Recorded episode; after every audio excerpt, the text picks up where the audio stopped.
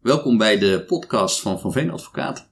Deze keer spreek ik met mijn collega Chris Stijman over het onderwerp arbeidsrecht in tijden van corona.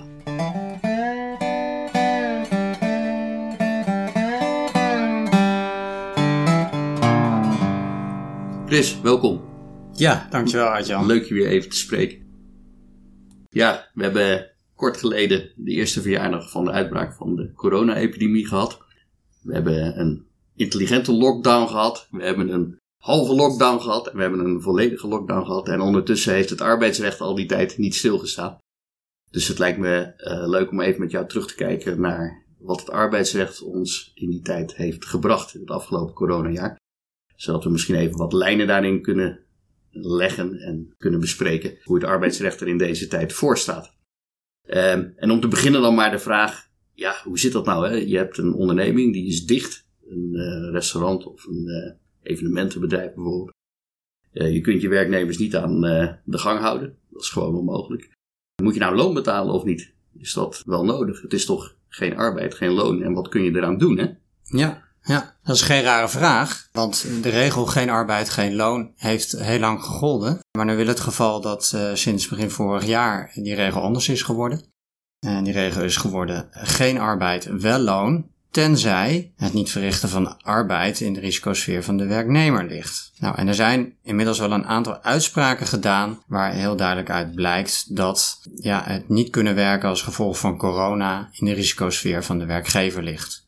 Ik kan wel twee uitspraken noemen hoor. Uh, er is bijvoorbeeld een uitspraak van de kantonrechter in Rotterdam. Ja. Dat ging over een medewerkster van een, uh, van een kapperszaak. Die moest dicht. En ja, er was acute uh, geldnood. Dus dat betekende dat de medewerker het loon niet betaald kreeg. Althans, een deel te laat betaald kreeg. Nou, daar werd een loonvordering ingesteld. En de kantonrechter die overwoog datgene wat ik eigenlijk net al vertelde. Namelijk dat dat wel een buitengewone omstandigheid is. Uh, maar dat dat wel in de risicosfeer van de werkgever terechtkomt uiteindelijk. En er zijn ook nog andere uitspraken, bijvoorbeeld een toeristengids die ook opeens uh, geen werk meer had in verband met de overheidsmaatregelen. En ook daar uh, kom je dezelfde overweging tegen. Ja, en dan kan ik me wel voorstellen dat als je als werkgever of als ondernemer wel ander werk hebt, ander werk dan iemand gebruikelijk doet, bijvoorbeeld neem iemand die in een restaurant in de bediening werkt en die wel bijvoorbeeld in het kader van de afhaal maaltijd iets kan doen dat, je, dat het dan wel eens anders zou kunnen liggen. Ja, nee, helemaal eens. Ja, wat, wat hier eigenlijk geldt is de basisregel in het arbeidsrecht. Hè, dat je als goed werknemer goed uh, werkgever ten opzichte van elkaar hebt te gedragen. En dat betekent ook dat je redelijke opdrachten eigenlijk zou moeten uitvoeren. Ja, dus kun je niet zomaar zeggen, want dit is niet mijn werk. Uh, als er ander werk ligt, wat wel kan gebeuren, en je doet dat niet, ja, dan komt het in jouw risicosfeer uh, als werknemer te liggen dat ja. je je werk niet doet en krijg je ook niet betaald, denk je. Dat klopt. Ja. ja. Dus dat is uh, passen en meten geblazen eigenlijk. Ja. Ja. En als je nou kijkt naar een situatie bijvoorbeeld, hè, dat uh, een werknemer in quarantaine moet, omdat het RIVM dat nou eenmaal ook voorschrijft. Hè, als je klachten hebt en een familielid bijvoorbeeld uh, wordt getest of heeft wellicht corona. En je belt je werkgever en je, zegt, en je zegt, ja, je kan niet komen werken. Hoe zit dat dan met het loon? Ja, ja, ook daar geldt dan eigenlijk weer hetzelfde. Hè? Dat het toch in de risicosfeer van de werkgever blijft. En daar heeft de kantonrechter in Maastricht vorig jaar een uitspraak over gedaan. En ik pak maar even de overweging erbij hoor. Want die, die kantonrechter die zegt het eigenlijk vrij helder. Die zegt gewoon, indien een werknemer in contact is geweest met een persoon die mogelijk besmet is met het coronavirus of een zieke huisgenoot heeft en dus van overheidswegen in quarantaine moet, en niet thuis kan werken omdat het voor zijn beroep onmogelijk is, dan is dat een omstandigheid die niet in de risicosfeer van de werknemer ligt. De werkgever is in dat geval verplicht het loon door te betalen. Uh, en daarbij geldt overigens nog wel hè, dat er geen sprake is van ziekte. Dus je mag geen wachtdagen op het loon inhouden. Dat ook nog. Oké. Okay. Dus dat okay, klinkt ja. allemaal niet zo heel erg positief nee. voor de werkgever. Daar staat wel tegenover hè, dat de werkgever natuurlijk uh, ja, toch gebruik kan maken van de nodige maatregelen om toch ja, wat inkomsten te krijgen, hè, de NOE-regeling. En dat zie je in een belangenafweging bij kantonrechters ook wel ja, worden toegepast. Hè? Dat de werkgever zegt van ja, maar u kunt gebruik maken van maatregelen. Die maatregelen zijn er ook op gericht om dat personeel zoveel mogelijk binnen te houden en ook te betalen.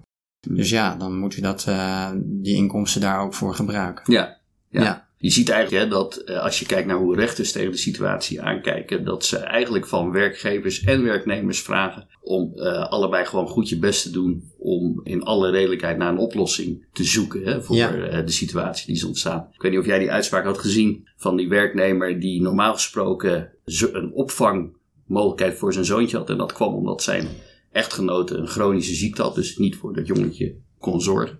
Jongetje werd ziek, dus kon niet naar de opvang. Echtgenote van de man om wie het ging, eh, kon ook niet zelf die zorg verlenen. En dan zie je dat zo'n werknemer zich meldt bij zijn werkgever en zegt: Ja, ik moet nu thuis zijn. Dat dat kan niet anders. Ik ben wel bereid om passend werk thuis te doen. En als je dan ziet hoe dat is gelopen, dat is toch heel erg uit de hand gelopen. Hè? Zelfs een ontslag, geloof ik, is Ja. daar opgevolgd van die werknemer. Omdat die werknemer zei: Ja, luister, het is een oppasprobleem.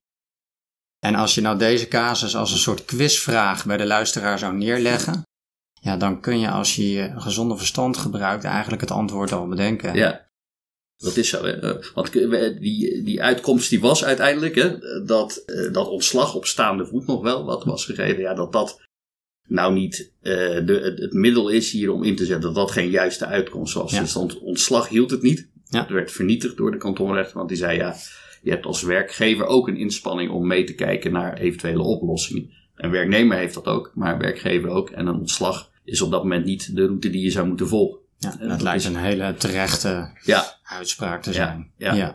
Ja, Er zijn nog, nog meer eh, gevallen hè, van ontslagen rond de coronasituatie. Ja, zeker. Ja, daar hebben we eh, het ontslag op staande voet. Hè, wat je, eh, hè, de, de, het ultimum remedium, hè, dus Ja. de echte laatste maatregel die je als, als werkgever toepassen. En dat is inderdaad wel leuk om die te bespreken. Althans leuk, zo'n zaak is natuurlijk nooit leuk. Maar er zijn er twee uitspraken hè, van de rechtbank of van de kantonrechter in Rotterdam. De zaak QuickFit en eh, de zaak Burger King. Ja, ik heb gezien. En dat ja. zit allebei op corona, maar dat leidt allebei tot een hele andere uitkomst. Die QuickFit-zaak, Ja, ja, die heb ik gezien inderdaad. ja, voor die QuickFit-zaak gaat het erom dat er een medewerker is. Die man die werkt al een jaar of 35 Ja. bij de QuickFit. En daar bij dat bedrijf is een, ja, de maatregelen worden nageleefd, maar dat blijkt best lastig te zijn. En op een gegeven moment komt er warempel een HR-manager van QuickFit langs.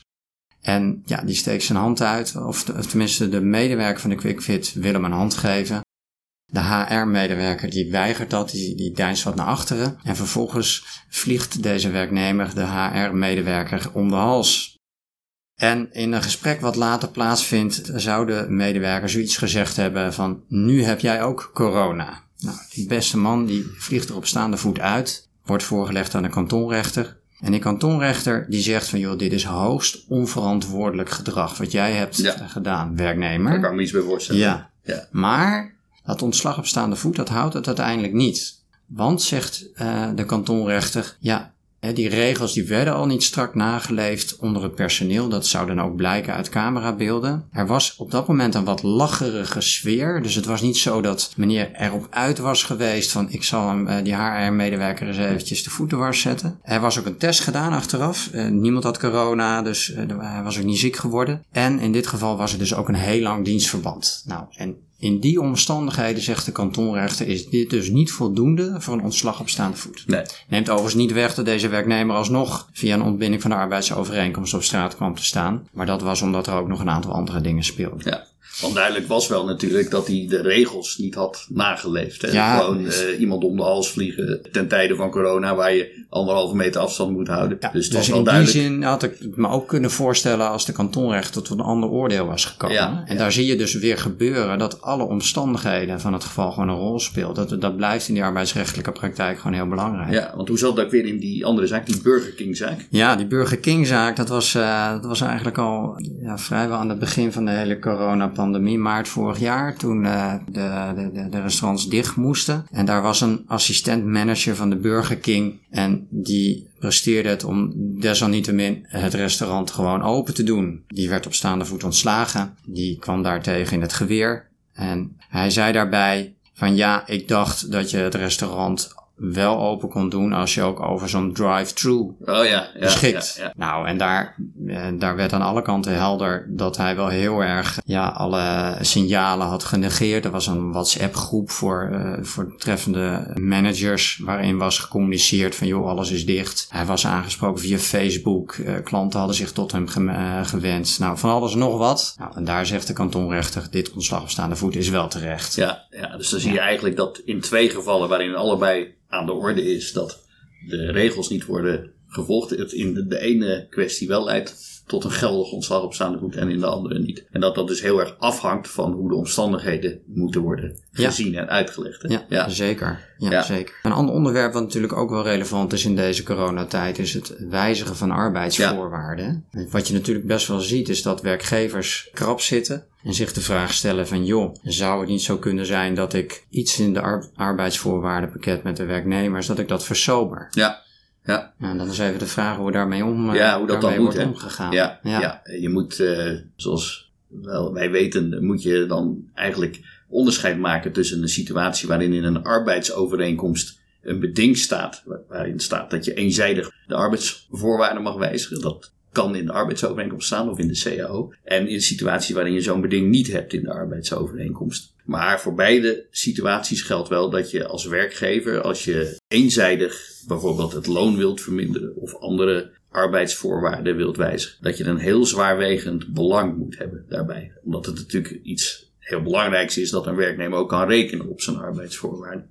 Nou, En dat zwaarwegende belang, daarvan zeggen de rechters over het algemeen wel dat corona dat op zichzelf wel is. Dat dat een, echt een ontwikkeling kan zijn of een omstandigheid kan zijn waardoor je moet zeggen, ja, deze arbeidsovereenkomst, daar moet in gewijzigd kunnen worden. Maar, daar heeft onze hoogste rechter ooit iets over gezegd, dan ben je er nog niet helemaal. Het is niet genoeg dat het een eh, situatie is waarin je moet kunnen wijzigen. Je moet ook de werknemer dan een redelijk voorstel doen om tot wijziging te komen. Dus het moet niet een onredelijk voorstel zijn. En dat komt er dan ook nog bij. Je moet ook kijken naar het belang van de concrete werknemer over wie je het hebt.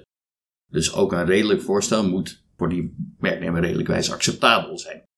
Eh, dus dat is een hele eh, route. Wat, wat zie je op dit punt in de rechtspraak als je kijkt naar corona? Is dat, lukt dat nou vaak om dat op deze manier eh, geregeld te krijgen? Nou nee, dat lukt niet zomaar. Nee, weer niet. Het Nee. is niet uitgesloten, want er is één uitspraak in ieder geval bekend waarin het wel is gelukt. Dat is een uitspraak van het gerecht in eerste aanleg van Aruba, zeg maar de kantonrechter daar. En daar hadden we een, een witgoed meubelzaak die aan de werknemers een, een loonoffer vroeg eigenlijk. Hè? Eh, zei van jongens, kun je genoegen nemen met het feit dat ik geen maandelijkse incentives meer uitbetaal. Wat zijn dat incentives ook in dit geval? Ja, ik weet niet precies, een soort van bonusregeling Ja, achter extra's situatie. het, ja, eh, gewoon ja. extra's. En daarnaast wilden ze ook van het basissalaris dan nog maar driekwart betalen. En eh, in die zaak overwoog de kantonrechter dat de werknemer in redelijke wijze dat aanbod of dat, dat voorstel had moeten accepteren. En daar speelde een belangrijke rol dat daar ook een vakbond bij was betrokken, dat daar goed overleg was geweest, dat het voorstel goed was onderbouwd en dat het overgrote deel van het personeel ermee had ingestemd. Ja. En dus dan zie je dat eigenlijk al die stapjes uit, nou ja, eigenlijk het arrest waar je het net over had, je Ja. noemde de naam niet, hè, maar dat is het arrest Stoofman. Stoofman moet, hè? Ja. Dat, die, eh, dat die zijn doorlopen. En je ziet die criteria, die zie je eigenlijk ook in de andere uitspraken voorbij komen. Uitspraken van bijvoorbeeld de kantonrechter in Amsterdam. En dat ging over een Turkse broodjeszaak. Dat was de eerste, geloof ik, hè? de Ja, eerste dat was de corona-uitspraak allereerste corona-uitspraak, ja. Ja. En in, in die zaak was het zo dat die eigenaar van die Turkse broodjeszaak eh, loonbetaling had opgeschort. Hè? Dus en het was niet zo dat hij eh, niet Nee. meer betaalde, maar zei: Ik kan nu niet, want ik heb gewoon een acute noodsituatie.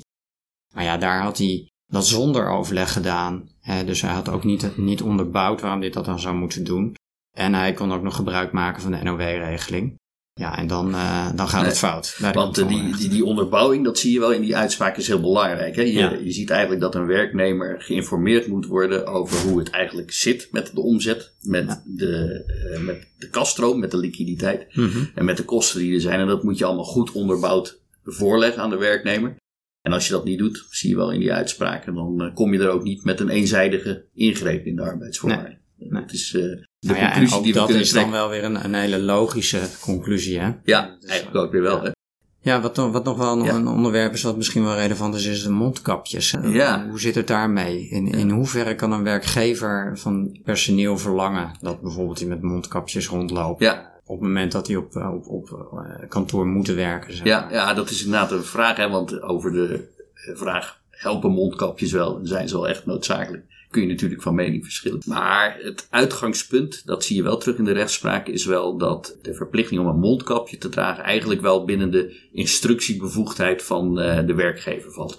Ja. Eh, een werkgever is eigenlijk in principe gewoon bevoegd om instructies te geven met betrekking tot de manier waarop er gewerkt moet worden. En daar valt ook onder dat je in deze bijzondere tijden eh, kunt verplichten dat er een, eh, een mondkapje wordt gedragen. En ook daar is het natuurlijk weer wel zo dat je altijd in alle redelijkheid met de situatie om moet gaan. Maar dat geldt in het algemeen als het gaat om de instructiebevoegdheid van de werkgever. Ja, en is het nou voor de werkgever ook nog zo dat die de werknemer moet toestaan om thuis te werken als de werknemer dat, dat verlangt? Ja, dat is ook een onderwerp dat daaraan raakt. Hè? Ja. Eh, en daarvan vindt de rechtspraak over het algemeen dat het feit dat de regering zegt, nou, werk zoveel mogelijk thuis, je nog geen recht op thuiswerken geeft. Nee. Dus in principe, als je als werkgever zegt, kom toch naar je werk, dan is het mogelijk en is er geen recht van de werknemer, ook al is het corona, om thuis te werken. Maar ook daar geldt weer dat er omstandigheden denkbaar zijn waarin dat anders ligt. Ik herinner me die zaak, ik weet niet of jij die ook eh, op het netvlies had, maar ik denk het wel. Van een eh, medewerker die achter een balie werkt. Die ontvangt daar klanten. Die staat in de loop van haar collega's. En eh, behoort tot de risicogroep omdat ze chronisch hartfalen heeft. Die zei, ja, ik kan hier met geen mogelijkheid eh, op een verantwoorde manier eh, werken. Maar ik ben wel bereid om passende andere arbeid thuis uit te voeren. En die mevrouw moest toch komen. En daar zei de rechter van, ja, maar hier had de werkgever beter moeten kijken naar de situatie. Ja, en daar had die werkgever het wel heel erg bond gemaakt. Hè? Want deze Ja. dame had ook nog aangeboden om voor eigen Ja. rekening de werkplek Ja, thuis in te richten. Ja, ze wilde het zelf allemaal betalen. Ja. En dat was allemaal niet genoeg. Ja. En hoe liep het af? Werd er niet ook een ontslag op een ontslag aangestuurd? Dat weet ik eigenlijk niet meer. Die heb ik niet helemaal helder. Ja. Maar wat we ook hier wel weer zien, is dat op het moment dat je die ingrediënten zo naast elkaar zet, zeg maar, Ja. ja. dat dan de conclusie eigenlijk geen andere kan zijn dan dat je je gewoon redelijk hebt op te stellen. Ja. Als werkgever en als werknemer. En dan misschien komen we dan ook wel een beetje bij de afronding. Want als Ja. we zo die verschillende onderwerpen langslopen, en dan kunnen we eigenlijk zeggen dat corona geen, geen enorme veranderingen in de hele rechtspraak heeft bewerkstelligd. Het zijn eigenlijk de uitgangspunten die ook voor corona al golden. Hè? Ja. Eh, wees redelijk tegenover elkaar. Span je in om oplossingen te bedenken. Ja. Als beide partijen. En stel je als goed werkgever en goed werknemer tegenover elkaar op. Dat is eigenlijk het, het speelveld. Ja. Eh, heb jij nog een verwachting als het gaat om de vaccinatiecampagne die bezig is? Kun je dat nou een werknemer verplichten? Denk je, we hebben nog geen rechtspraak? Nou, er is nog geen rechtspraak over bekend, maar ook hier zal het natuurlijk weer van de omstandigheden afhangen. Maar de verwachting is dat je die verplichting niet kunt opleggen. Nee. Ja, dat maakt natuurlijk ook meteen inbreuk op je persoonlijke integriteit, lichamelijke integriteit. En, en ja, dan kom je daar niet zomaar. Dan zul je dat heel goed moeten uitleggen. Ja. En bijvoorbeeld een redenering van ja, je werkt met een risicogroep, dus je moet gevaccineerd zijn, want anders mag dat niet. Ja, die zou bijvoorbeeld alweer stuk kunnen gaan op de discussie over de vraag of je nog wel besmettelijk bent als je gevaccineerd bent of niet. Ja, daar zijn ook weer onderzoeken naar. Dus ja, dat is nog een beetje onontgonnen terrein. Ja. Maar we verwachten daar natuurlijk de aankomende maanden die eerste uitspraken wel weer over. Dat denk ik ook, ja. We zullen dat eh, natuurlijk ook eh, voor onze cliënten blijven volgen. Zo is dat. Ja. Ehm, nou, goed je even weer over deze dingen gesproken te hebben, Chris. Zeker. Ehm, en de luisteraars, dank voor het luisteren. Op onze website kunt u artikelen over dit onderwerp teruglezen, waaronder een eh, stuk dat Chris Stijnman eh, gaat plaatsen, of al heeft geplaatst, staat al op onze website. ja, dat komt er in deze Ja, dagen. dat komt één deze dagen en dat gaat ook over de onderwerpen die we eh, vanmiddag hebben besproken. Hartelijk dank voor het luisteren en graag tot een volgende keer.